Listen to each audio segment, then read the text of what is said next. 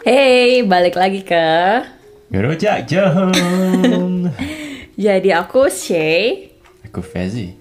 Fezi dari dari Singapura Ya. Tadi mau cakap aku aku dari Indonesia. ya memang benar, tapi bukan. Apa sih bener tapi bukan Ya, jadi aku dari mana? Kamu dari Indonesia. Ya, betul Oke, jadi dari uh, episode ketiga kita yang ini Kita bakal ngomongin soal uh, true crime Jadi Iya. uh, ini tentang uh, pembunuh berantai or serial killer in Indonesia Ada. Yes, that's actually that's quite a lot of it.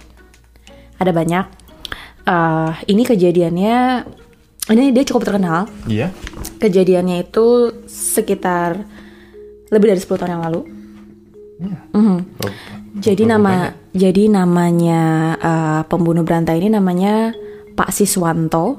Iya, aku nggak kenal. Iya, iya, iya. Kita kenal. Uh, namanya Pak Siswanto atau uh, kamu bisa nyebut dia robot gedek. Robot gede. Gedek. Gedek. Do you know what is gedek means? Nope. No, I will, I will explain you later on. It's one of the background. Oh, bukan gede ya. Gedek. Doraemon. Jadi kejahatannya itu uh, berlangsung di tahun 9 1994 sampai 1996. Ya. 1994 to 1996. Oke. Right. And the victim 12 kids. Wait, wait, wait. The victim. Victims. Oh, victim. There's 12 victims. 12 victims All and of them all are of them children. are children underage and all of them uh, come from Jakarta. Jakarta. Yes. Dan dia dikenal karena dia ngebantai anak-anak di bawah umur and you can say that he is a pedophile. So, jadi dia uh, menyodomi anaknya or doing anal sex. Habis uh, finish doing the anal sex, he will kill the victim with very evilish way. Jadi dia bakal doing a mutilasi. Oh, It will cut until tiny little pieces so no one will realize what it is. Sebelum akhirnya uh, dibuang ke beberapa tempat di Jakarta, dibuang ke Pondok Kopi, Iya. uh, di sekitar Swamp, iya. and also near my place, Jakarta Pusat. Oh, Aha. Habis itu coba deh kalau kamu dengar namanya kayak gitu latar belakangnya gimana? Kamu pasti ngebayanginnya kayak bapak-bapak yang kuat, Berbet ya. ya yang kuat yang kayak om-om gitu kan, Iya. yang gendut gitu. Nih, Pak Siswanto itu merupakan pria tunawisma. Tunawisma means that he is he was homeless, Oke. homeless like beggar, dan dia gelandangan kalau bahasa Jakartanya. Dia gelandangan and he cannot read Oke. Illiterate. illiterate. You're right. So if you so I will describe him so that you can imagine how he look. So um ini aku quote dari majalah Gatra dalam judul uh, buku majalah Gatra namanya Awas Pemangsa Bocah. Do you understand that?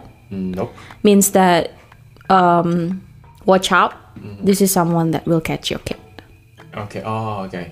Pemangsa means that People people already know him or i- um I think or just be careful there is No, I think people people already know him at that time. I like at that time. Uh, ini uh, this book was published on 2010, so long after long after the uh, judgment. And in there, mer- mereka mendeskripsikan, they describe uh, Pak Siswanto kayak gini. Jadi dia homeless, berkaki timpang, means that it's really hard for him to Tem- walk. timpang, ya. Uh-uh. Short, dia pendek, he's nowhere close uh, besar or kuat, hmm. so he looks weak. Hmm. Terus dia bungkuk, hmm. bongkok, it's not straight, and it's really hard for him to walk. It's nowhere somewhere someone that you can imagine can kill a lot of kids with that kind of condition. And um, this is where I uh, I told you that I will explain why it is a robot gedek. Gedek in Indonesia means that his head is moving like this, like Oh, yeah. shakingly. Um, apa namanya? Shaking like a Polaroid picture. kayak shaking kayak gitu. And what is gedek or what is this illness? So gedek kayak gini itu adalah illness. Jadi itu adalah penyakit when someone has trembling hands or involuntary movements in their arms, Yeah. legs, or head. Jadi nggak cuma di kepala doang. Nah, kadang-kadang orang bilang itu sebagai eh, tanda-tanda penyakit Parkinson. Hmm, yes. Kamu tahu kan? Yes. Tapi ada juga eh, sign penyakit kayak gini yang nggak separah penyakit Parkinson. Namanya essential tremor. Jadi kamu tahu kan kalau tremor kan itu shaking kan. Nah ini a more level than uh, light tremor. So its name is essential tremor. So essential, tr- uh, so secara singkat ya, essential tremor is a neurological disorder characterized by the involuntary shaking or trembling of particular parts of the body, usually the head and the hands. Jadi uh, gangguan yang ditandai dengan goyang-goyangin atau uh, tangannya uh, atau gemetaran yang nggak sengaja. Jadi si orangnya nggak tahu dan nggak ada intensi pada bagian tubuh tertentu, biasanya uh, kepala, tangan atau kaki. Iya.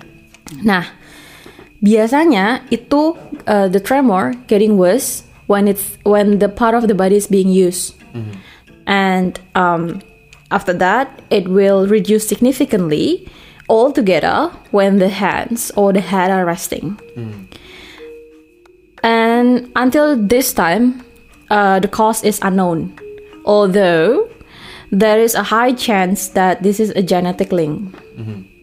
Jadi probably Pak Siswanto punya uh, keluarga yang Keluarga, ya. yang juga punya essential cell tremor. And the bad, okay, it's not bad. It, the worst part is there is no such thing like cure for this thing. There's no cure. Oh, no cure. Okay. No cure, no whatsoever. But there is a treatment to suppress the tremor and include there's also a medication, tapi juga ada kayak surgery and uh, stress management. Yeah, maybe he should just smoke weed. Eh? Tangkep dong, Pak. Eh, legalize it. Eh? Dia di belakangnya di dapur suka ganja. Tapi kan uh, jadi misalnya gini, kalau misalnya kita bisa lihat penyakit ini kan lebih ke mentality ya, karena kan uh, disembuhinnya pakai stress management tuh, bukan disembuhin sih, tapi lebih ke treatmentnya kan pakai stress management. Nah, bisa dibayangin, coba kau bayangin deh, misalnya uh, Pak Siswanto ini seorang gelandangan homeless, udah homeless plus he doesn't have a he didn't have at that time a healthy body. He he he had to walk, and he doesn't have uh, a good food.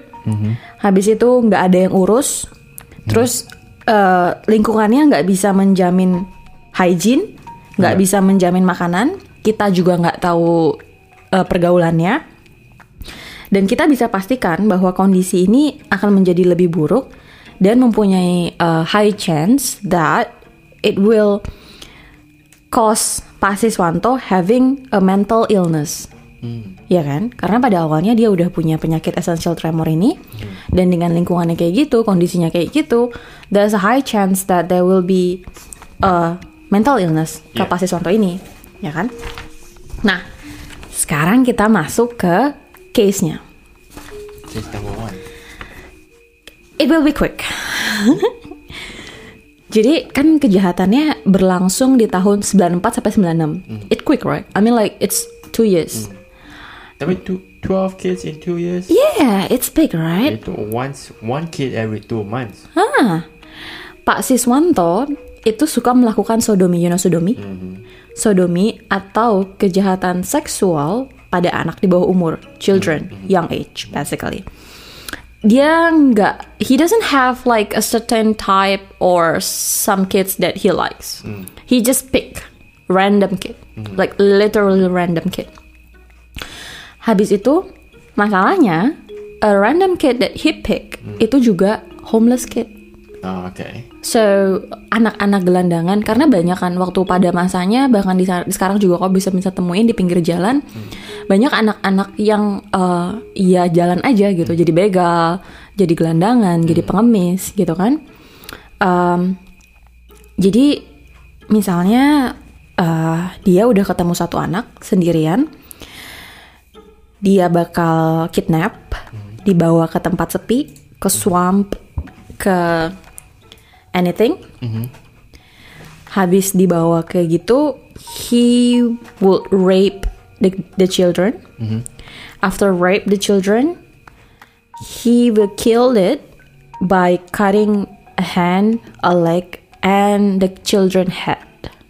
Oke. Before that different parts dibuang ke separate place. Baik, tangan Kaki, kepala, semua. semua dibuang ke tempat terpisah di Jakarta. Kau bayangin di Jakarta. A Nah, lot of people.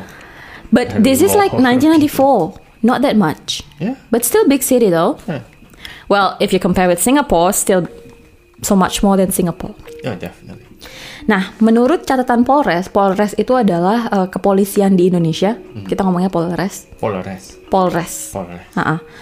Menurut Polres Jakarta Pusat dan Jakarta Timur, dari total 12 korban anak-anak, cuma 8 yang berhasil ditemukan. Karena because he cut it so thin, so hard to find, and then he drop it and he just throw it away di swamp, which is like kamu tahu kan kalau misalnya di swamp itu pasti ada hewan, Any, ada- animal can eat it. Anjing bisa makan. Iya, anjing and there's a lot of like wild animals there at that time. Terus habis itu jadi cuma 8.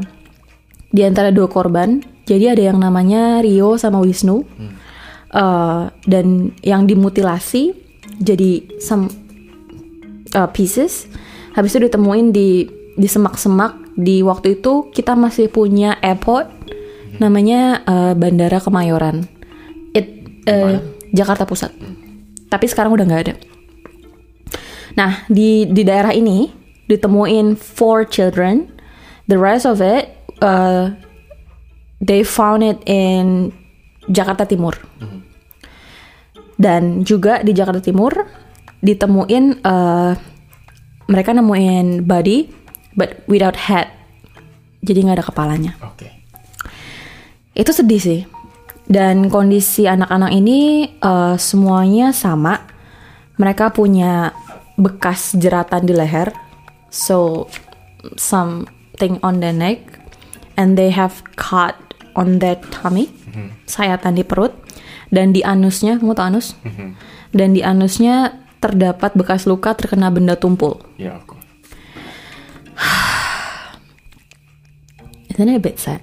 Very sad. And it's children. Tuh. Dan eh eh, Siswanto bilang he did it by himself. So he d- he didn't Oh, have. he, he confessed or how how do people know? So he confessed uh, with uh, when his interview or uh, he many magazine interview him, and also when um, uh, waktu di sidang, the judge also asked him. Nah, waktu prosesnya polisi sempat susah untuk uh, catch him dan hampir dua tahun uh, it's super hard to find him. Tapi akhirnya setelah uh, korban terakhir yang ditemuin korban ke-8 namanya Kasikin. Habis itu polisi juga ada saksi yang uh, yang ngasih namanya si Pak Robot Gedek ini. Akhirnya ditemuin lah.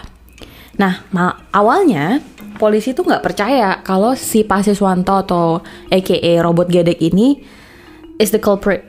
Karena well, you can as as I explained before, uh, as physically itu kayak You, you can't you can't expect him. Yeah, you can't do- expect You, you can't expect a, a weak a or weak disabled. disabled people kayak gitu it can do such things, such horrible thing to children gitu.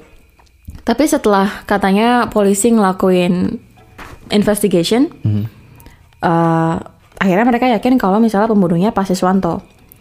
Nah, akhirnya setelah mereka dapat berita itu di, di tahun 1996, they looking for him. eh, dia jadi buronan, wanted. Tapi polisi nggak bisa nemuin si robot ini di Jakarta. Okay. It's hard to find him, Gimana but akhirnya ditemuin bahwa dia pulang kampung. Dia pulang kampung ke daerahnya namanya Ketandan, Batang, Jawa Tengah. Nah, pada saat polisi found him, kan kita mikir kan kalau misalnya eh, jangan-jangan dia kabur. Enggak, dia nggak kabur. Jadi pas dia pulang kampung, dia lagi mengemis, lagi beggar. Jadi be- being a begging, Di- di kampung. beggar, Ha-ha, di di station, station eh, kereta api di Tegal. Dan di sana dia berhasil ditangkap polisi pada tahun 1996 pada tanggal 27 Juli. Nah, saat sedang eh, saat ditangkap, udah akan ditangkap dibawa ke Jakarta. Nah, waktu dibawa ke Jakarta, dilakukan wawancara kan. Eh, ditanya, "Bapak kenapa membunuh? Why you kill that children?" Because that, oh, everyone Yeah, want to know, right? Obviously there is a reason for everything. So Ya, semua juga mau tahu kan? yeah. Nah, berdasarkan wawancara, hold your emotion. eh Pak Siswanto bilang nggak ada tuh, nggak ada alasan apa-apa. Pokoknya ya eh, ini ini aku kutip, this is his sentence.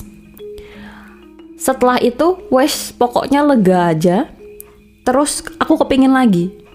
In in English means that after that I feel so uh, relief, and then I want it again. So there is no motive, no revenge, or you know that a lot of serial killer want just to to get any popularity.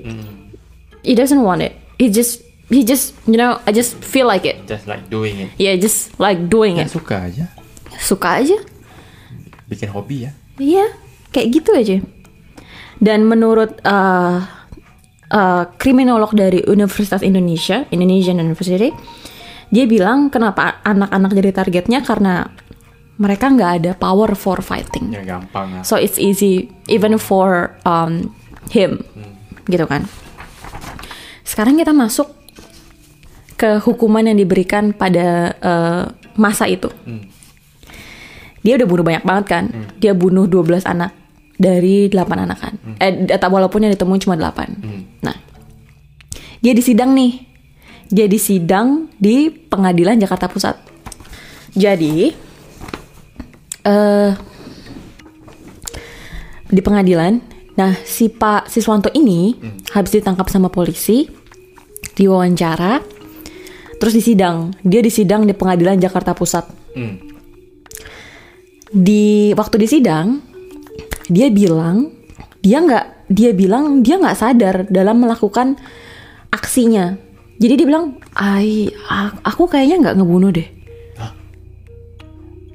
Dia bilang kayak gitu. Ya. Dia, terus dia bilang, For all of them or For all of them. Dia bilang, quote, quote Pak Siswanto ya. Dalam bayangan saya, yang saya bunuh itu adalah ayam. ya ada defense lawyer. Dia bilang kayak gitu. Tapi, meski telah bilang dia nggak, dia nggak, apa yang ngomongnya? Dia nggak, dia nggak ngebunuh. Pada tahun 1997, jadi eh, lama persidangannya, jangan persidangan nggak sekali kan. Jadi lama persidangan kayak kira-kira enam bulan gitu, atau satu tahun. Pengadilan menjatuhkan hukuman mati kepada Pak Siswanto. Habis itu dia dimasukin ke eh, lapas, lapas tuh jail, Nusa Kambangan di Cilacap. Nah, Nusa Kambangan itu, kamu tahu Nusa Kambangan nggak? Enggak. Nusa Kambangan itu adalah tempat eh, kayak itu isolasi dari dari mana-mana kayak Alcatraz. Hmm, Alcatraz. Yeah, kind of that thing. Nah, dia ditaruh di situ. Setelah 10 tahun, jadi kan dia dimasukin hukuman mati kan. Nah, kalau hukuman mati di Indo tuh kamu eh, biasa ditembak. Hmm, Oh tembak. Ha-ha, jadi Brutal. Emang, jadi kamu jalan, jadi eh, misalnya ini semua polisi nih, eh, lima atau 10 Terus mereka semua megang senapan, terus kamu jalan dari situ, you just walk, and then this police will da- da- da- da- da- da- da- da- da- da- like that. Brutal. I know, I know, right? Kalau misalnya kamu, uh, if you Google uh, the horror story of Nusa Kambangan, there's a million of it. Like banyak banget cerita ghost story di situ. Oke, lanjut. Nah, habis itu, uh, tapi pada selama selama uh, walaupun dia dijatuhkan hukuman mati, anehnya belum pernah ada uh, tanggal like exact dates kapan dia bener-bener dieksekusi. Nah, setelah 10 tahun dia ditahan di penjara, dia jatuh sakit. Dia sakit, nah selama dua hari itu, uh, his inmates say that um, he's really sick uh, to the um, uh, the staffnya yang uh, bertugas di jailnya itu. Nah, teman-temannya yang inmates-nya itu udah try to massage him to make him feel better. Tapi nggak ada nggak no effect. Akhirnya it's it's getting worse. Habis itu uh, dia kemudian dilarikan ke rumah sakit. Finally, okay. Finally, going to the hospital. Nah, pada tanggal 24 Maret 2007, dia resmi dirawat di rumah sakit di daerah situ, di daerah for inmates, kayak gitu. Nah, ia dirawat di ruang namanya ruangan Dahlia dan itu sangat diawasi ketat. Nah, oh okay. Nah, selama sakit, Pak Siswanto tuh terus mendapatkan pengobatan dan pengawasan dari tim dokter. Tapi pada hari Senin 26 Maret 2007, uh, it just hard and nothing gonna uh, nothing is working anymore dan akhirnya he passed away. Uh, the funny thing is, which I, I know, I mean, like he's he's uh, he's not a good people, but I really hate when the um, uh, kepala the the head of the jail say this. Quote dia memang sering mengeluh sakit pada dada sebelah kiri tapi tidak benar kalau dia sakit dan dia sakit karena stres memikirkan akan dieksekusi mati jadi maksudnya the head of the jail say that no no no he's not stressed because of the execution. He just sick. Oh, gitu aja. iya terus aku mikir Dia nggak apa-apa, dia sakit aja. dia sakit aja dia nggak stres sekarang gini pertama kamu di penjara. Udah 10 tahun. Iya. yang kedua kamu tahu kalau misalnya kamu bakal dieksekusi mati. Orang mana yang di dunia ini nggak stres dengan kondisi kayak gitu gitu? Bodoh kan? Kesel aku bacanya konklusinya Mungkin udah 10 tahun ya bodo amat. Ya mungkin kalau kepala kalau si bapak kepala batu Sudijanto itu ngomong kayak gitu, eh, akhirnya eh, robot gedek eh, tewas akibat serangan jantung pada 26 Maret 2007. So konklusinya dia bilang heart attack. Not exactly details explain. it's very suspicious. Yeah, it's very suspicious, right? So it just say that no, he's just he he he he, he died because of the heart attack. That's very suspicious. I know, right? It's Sus. it's it's really dodgy. That's sus as It's really dodgy. Nah, and you know what? What's more dodgy? Dodgier than this? apa? Just after two hours after his time of death, mm. dia langsung dibawa ke Pekalongan buat dimakamkan. Oke. Terus aneh banget. There is no chance for the ah, nggak nggak tahu Oh, kayak no autopsy. no autopsy, no whatsoever. So jadi abis dari itu selama dua abis dua, abis itu langsung di, langsung dibawa ke ke Dikebumin. di ya langsung dikuburkan. And Ya udah. that's the end of the story for Pak Siswanto. Good, good life story. But it's not end here. Oh, ada lagi. That's a Second season ya. plot twist of this. A plot twist kan second season. Hmm. Okay, I, I know that that serial killer is bad. I mean, like that story is really bad. I mean, like it's pedophile and then it's it's m- mutilated the kids. It's uh, really bad, right? There is the plot twist that this is the you can say that this is the hot part. Nah, waktu uh, Pak Siswanto ditangkap on jail, ini kan kasusnya hype banget kan? Eh, jadi terus dibahas. Nah, there's another theory that say that he's actually not a killer. He's not doing it, and he's not a culprit. He just a random guy that's Yeah, he's just a random homeless, random homeless Yeah, guy. he's just a victim or tumbal for covering the real culprit. Which Nah. is This is this is where the story comes. Nah, eh masalahnya si Pak Siswanto ini, you know, by fact he doesn't have the skill for killing. And beside, dia tuh sebenarnya setelah actually dicek, dia itu he he, he has a men, he had mental illness. Jadi dia nggak he's a bit cuckoo. Jadi memang nggak waras gitu. Dan katanya dia merupakan pribadi yang lugu. Apa tu? Lugu means that it's innocence. Huh? Naive. Oh, naive. Naive and innocence that he's he's just He's a really nice guy, basically. Yeah, he's a nice guy, like nice, cuckoo, a bit cuckoo guy, you know, that kind of thing with some kind of disability. Oke, nah, ke- terus siapa dong yang ngebunuh? That's the real question, right? Nah, the thing is, I already told you, right? Indonesia actually have a lot of serial killer. We have another serial killer On the loose. and getting caught uh, around Two years um, 10 or 14 years after. Nah, namanya Bae Kuni. Baik kuni. Namanya Bae Kuni alias Babe. Hmm. Babi. Babe. Babe. Babe. Babe. We just call him Babe. Nah, kalau misalnya si Pasiswanto ini ditangkap tahun 96, 1996, si Bae Kuni ini disidang tahun 2010. Oh, Jadi kayak 14 years later. Iya, 14 years later, right? Nah, sedangkan Pak Siswanto udah meninggal tahun 2007, ya kan? Nah, tahun 2010 udah disidang.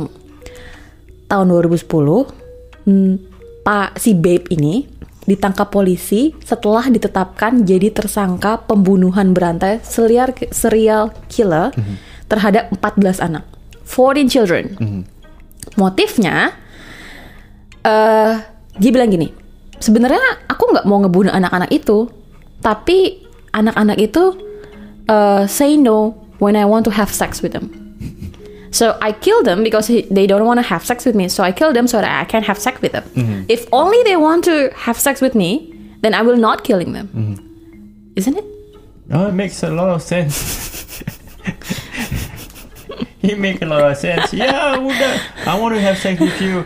Yeah. No? Okay, come. Wait, wait. Come, come, come, come. come. Look, look at my shiny knife. Come. Well, I mean, it, well, what's the lo- why the logic of it? It makes sense. It makes Kalau sense. kamu kalau kamu have sex, aku nggak akan bunuh. Ayo kita have sex aja.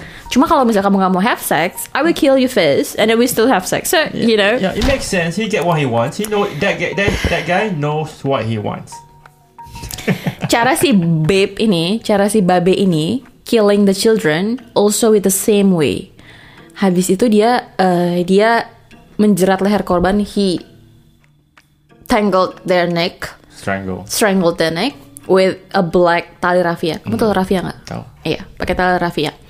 Habis yang kayak tadi aku bilang, baru setelah korbannya meninggal, baru disodomi. Habis disodomi, baru dimutilasi lagi. Jadi dia bilang, ya karena mereka nggak mau ya saya bunuh. Coba kalau mereka mau. Halo, Yeah, it makes sense. It makes sense. tok tok. You make sense. Nah, dalam eh, persidangan in the judgment time eh, di Pengadilan Negeri Jakarta Timur tahun 2010, 20 September 2010, Babe itu ngaku dia admit dia eh, dia bunuh korbannya dulu sebelum melakukan sodomi or rape them. Nah, semua korbannya anak-anak, juga anak-anak di bawah 14 tahun. Nah, masalahnya, nih, this is the fun part. Oh, I'm sorry, this is not the fun part. The fact part.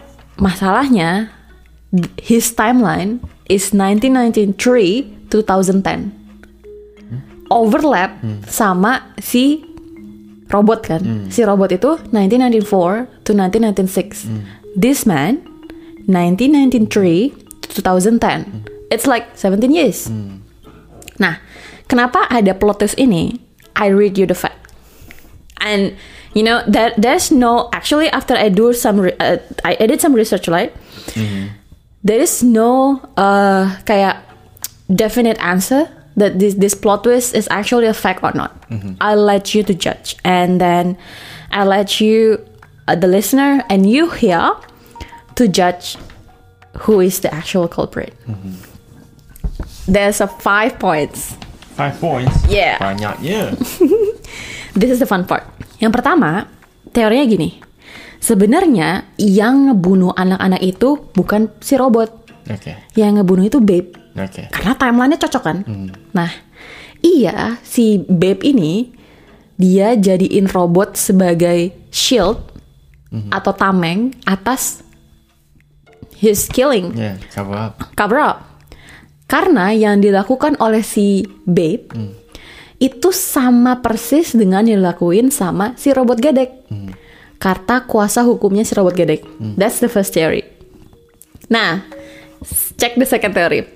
Both of them know each other. Best friends. Best friends. Actually, actually best friends.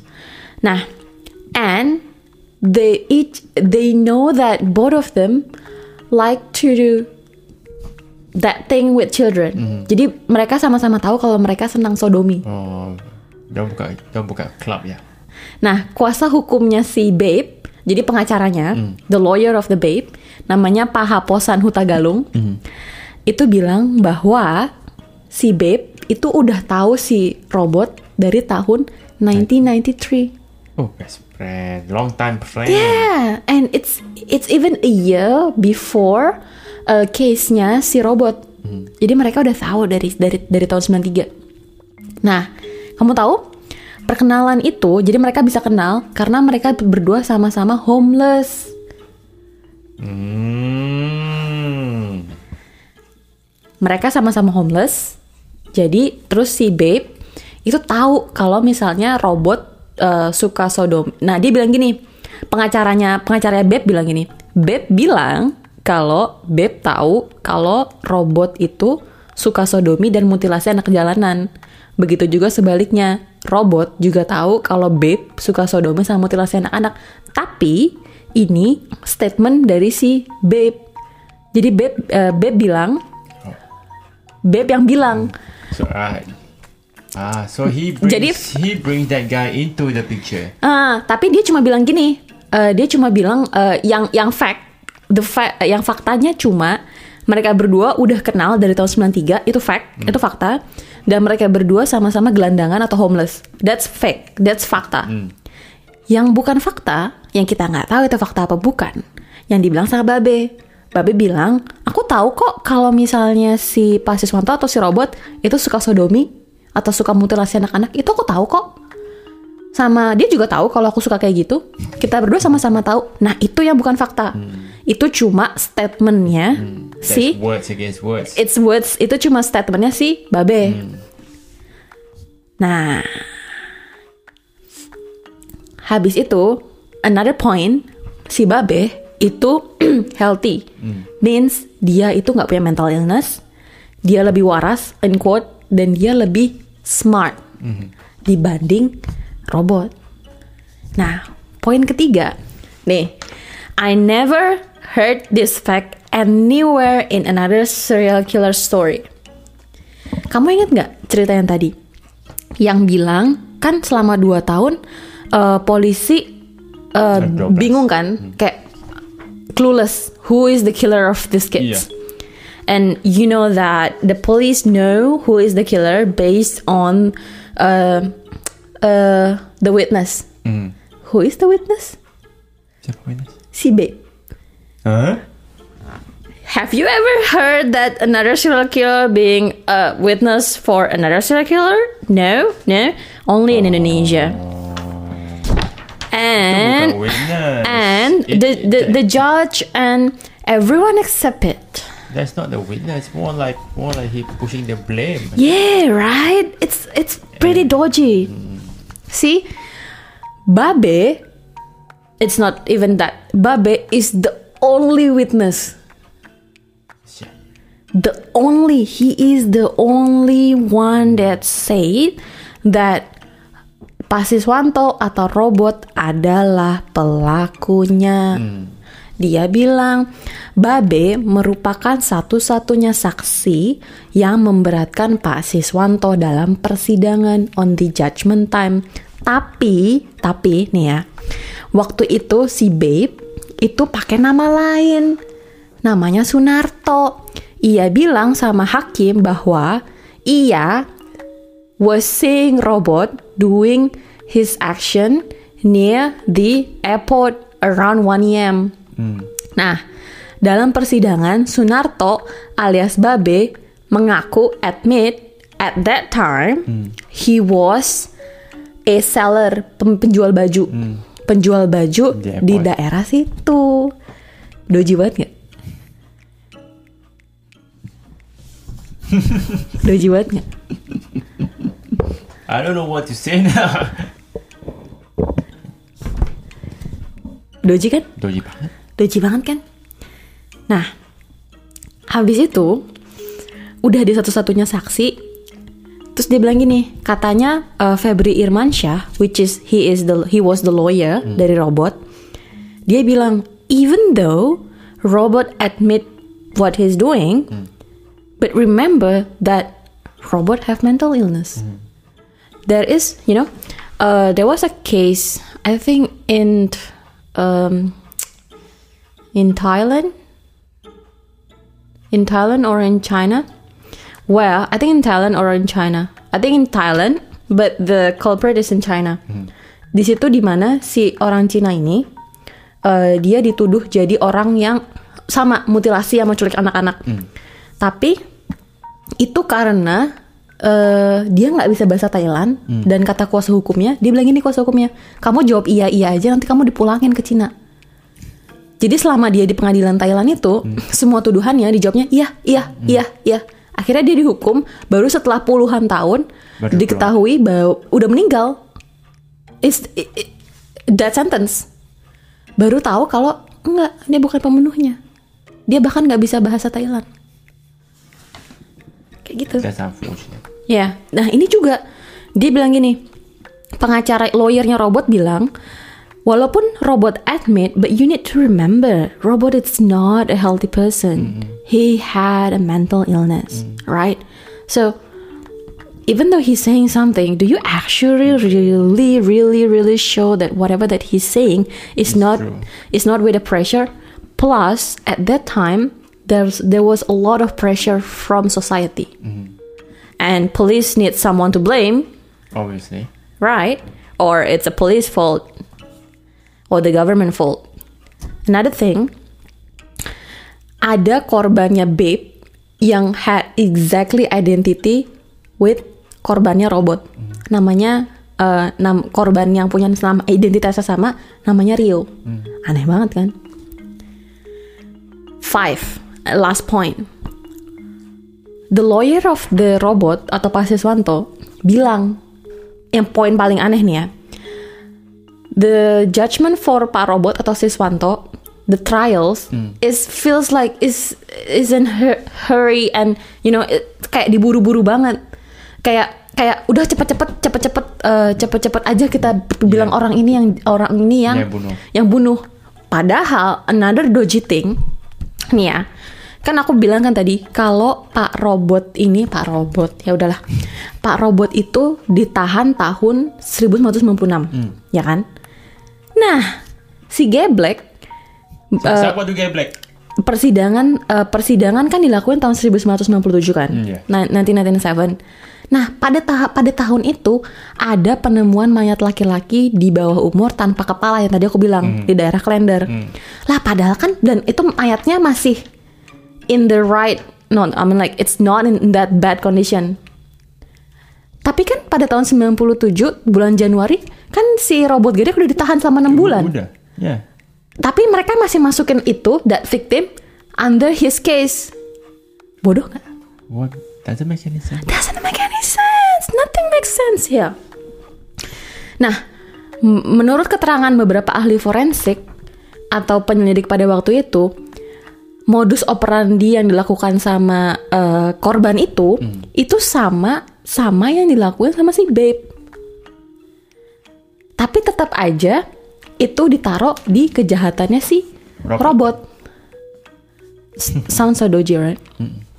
Nah, tapi tuduhan itu ditolak oleh lawyernya Babe.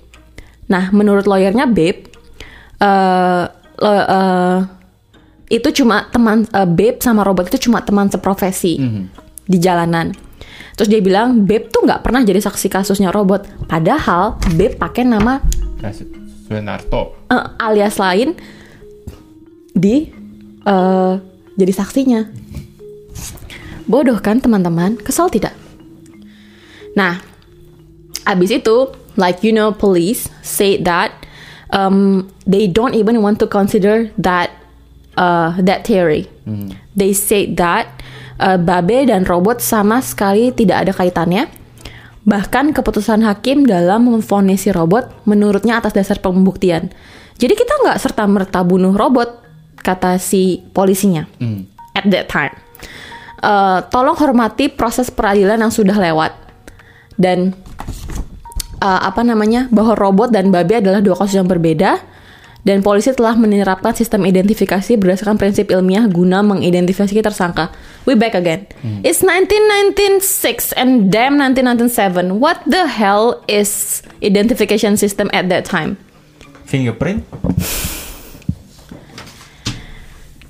See? Kesel nggak? Kesel banget. Coba deh kamu ga- maksudnya they accept the body which is there in 1997 while robot was inside the jail since 1996, six months before it.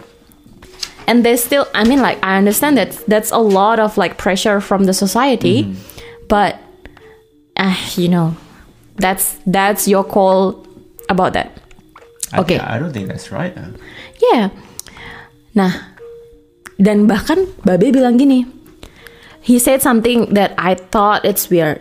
Dia bilang, uh, no, no, no, different. Don't put me in the same uh, way with robot. Robot ngambil victim anaknya sembarangan. They just he just pick it like whatever that he look. Tapi kalau uh, saya lebih suka kalau uh, anak kecilnya bersih dan terawat. How do you know that? How do you know that? Did you? I mean, like you and I mean, like your lawyer said that you'd never be being his witness. How do you know exactly how the kids look like? Notes in that time there was no such thing like Google. Camera. Google invented 1997. So I mean, like it just new at that time, and no one had computer. Gimana lo tahu? And you know that uh, kids cut in pieces kan? Gimana dia tahu kalau anak-anaknya yang dibunuh sama si robot itu anak-anak yang tidak terawat. Padahal kalau udah dibuang, udah dipotong, emang ada kelihatan yang terawat nggak terawat. Kuteknya kelihatan. Doji kan? He knows something's up. Yeah, he knows something. This is weird. This is Weird, weird, sentence. weird sentence. This is his sentence, okay? This is Cool, Babe's sentence. Say cool, that okay. I'm not picking victim like robot did. I like the victim more clean dan terawat. How do you know how how's the victim look like?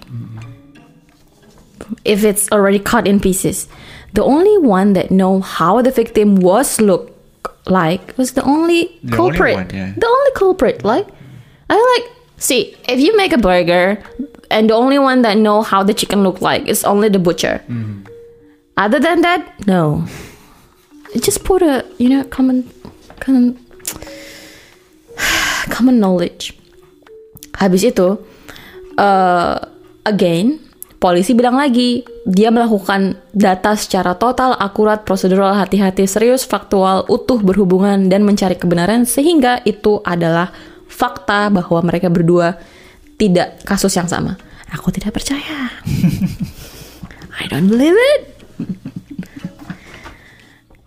I mean like, Basically, you don't trust your government or your, the police force. sekarang coba deh kalau misalnya ada ada orang lain yang bilang kayak gitu. Dan dia bahkan bilang specific details that no one even can know. No one should know yourself for killing himself. ya ya kan? Coba deh. You were you was the police. You were the police. That sentence was Wait, wait, wait, hold, wait, hold up. How did you know? yeah. I did I'm like I'm a police. I didn't even know how was the the the the, the victim look like. I didn't even know he is a girl or a boy. He was cut damn cut in pieces how the hell did you know? And every see it's not even cut in pieces but all the all the pieces mm. he just throw away mm. threw it away on swamp. Mm-hmm. Swamp damn swamp. Rawa. Kalau udah masuk rawa swamp mm. everything looks same. Black, brown, everything look dirty. You know what I mean? It's super dodgy. Mm-hmm. Like how So, did so, so what happened to Babe? Babe. So what happened to Babe? I'm like, babe, get caught, but yeah, yeah. but he he got caught with his own things, and um, apa namanya? Uh, he he, no one ever considered that Babe doing whatever that robot things, but robot lawyer based on that fact bilang kayaknya that's enough reason even at this time for uh, penegak hukum untuk menindaklanjuti temuan baru ini. Dan dia meminta negara, lawyernya minta negara untuk memulihkan nama baik dan hak-hak robot dalam kemampuan kedudukan dan martabatnya dalam keadaan semula. I mean like See, that's that's the case that I uh, that I what? That's the whole case. But still, at this time, even until that this moment, mm, there's no such thing that an initiation of um, of a further investigation. They don't care. They don't. They basically don't They care. just need a scapegoat or somebody. Yeah, yeah, I know, right? And yeah, udah, job done. Yeah, job done. Someone to blame, and even plus that someone already passed away. It's not here anymore, and job done. Dah, dah. Dah. Plus, uh, plus apa namanya? Si Babe juga ketangkep. Dan dia juga udah ngebunuh 14 anak. Ya udah, Ya udah. even though pasti dia bilang ya udahlah walaupun misalnya misalnya si babe emang yang bener ngebunuh si maksudnya si robot emang nggak bener nggak nggak ngelakuin apa pun toh robotnya juga udah mati buat apa tapi berarti kan negara membantu em, pembunuhan terhadap satu orang kan walaupun dia cuma dia satu orang dan dia homeless dan gelandangan tapi kan itu bisa aja dia bukan pelakunya how do you think This is the case. This is the actual case. I feel like it's weird. Very interesting. Very very interesting. Tapi I think that guy's really smart to blame uh, siapa namanya? Uh, robot Uh, robot. Very very smart to to blame it. blame someone that is not in the right mind. Yeah, yeah. Because or, or you, you can say that orang gila can do it. And you know what? Dia ketangkep tahun 2010. Berarti ketangkep pas robot udah meninggal kan? Udah. Berarti dia bisa ngomong apa pun. He can say whatever that he wanted. And robot cannot say anything. But nothing to his ass. But too bad. He, well, he- has 14 years more to live. Bener-bener kayak Tapi very very interesting. Hmm. I never Tapi kenapa ya? Why why he chose kids? Well, sexual satisfaction. sexual satisfaction. I think. Yeah. I mean, like kids can't. You Fight. say no, it's okay. I kill you. You live, you die. Uh, it's not make any difference. Perfect logic. You say no, okay. See my knife here? Come, come, come. So that's that. Oh well.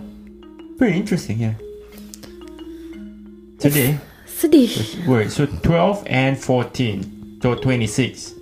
What? Hmm? 12 and 14, 26. Total 26 kids. Yo, there's a lot of kids. yeah. That's a lot of kids. So you can imagine at that time, the social pressure is just that high. Hmm. It's too high. And of course, uh, the police, government feels so much pressure to capture it, right? Mm-hmm. Ah. Very good story. So, okay, for your conclusion, do you believe 100% robot is the killer?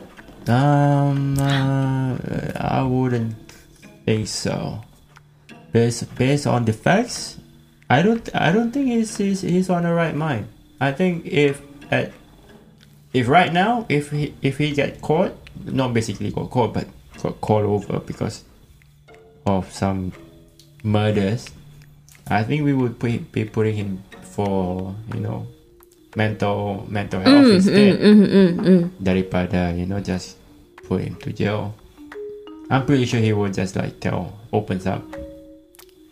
Yeah. And Uh, or I think like maybe, maybe like you said, social pressure. Itu susah. Ya ya udah ya udahlah. Hmm. Ya aku- udahlah, ya udahlah. Aku yang yang aku yang bikin. Ha. Hmm, ya to, to get it over that way. I really want to know what what in the world the meaning of babe or babe sentence that say that don't put me in the same way as uh, a robot. Robot pick the victim just like that. I pick the victim better.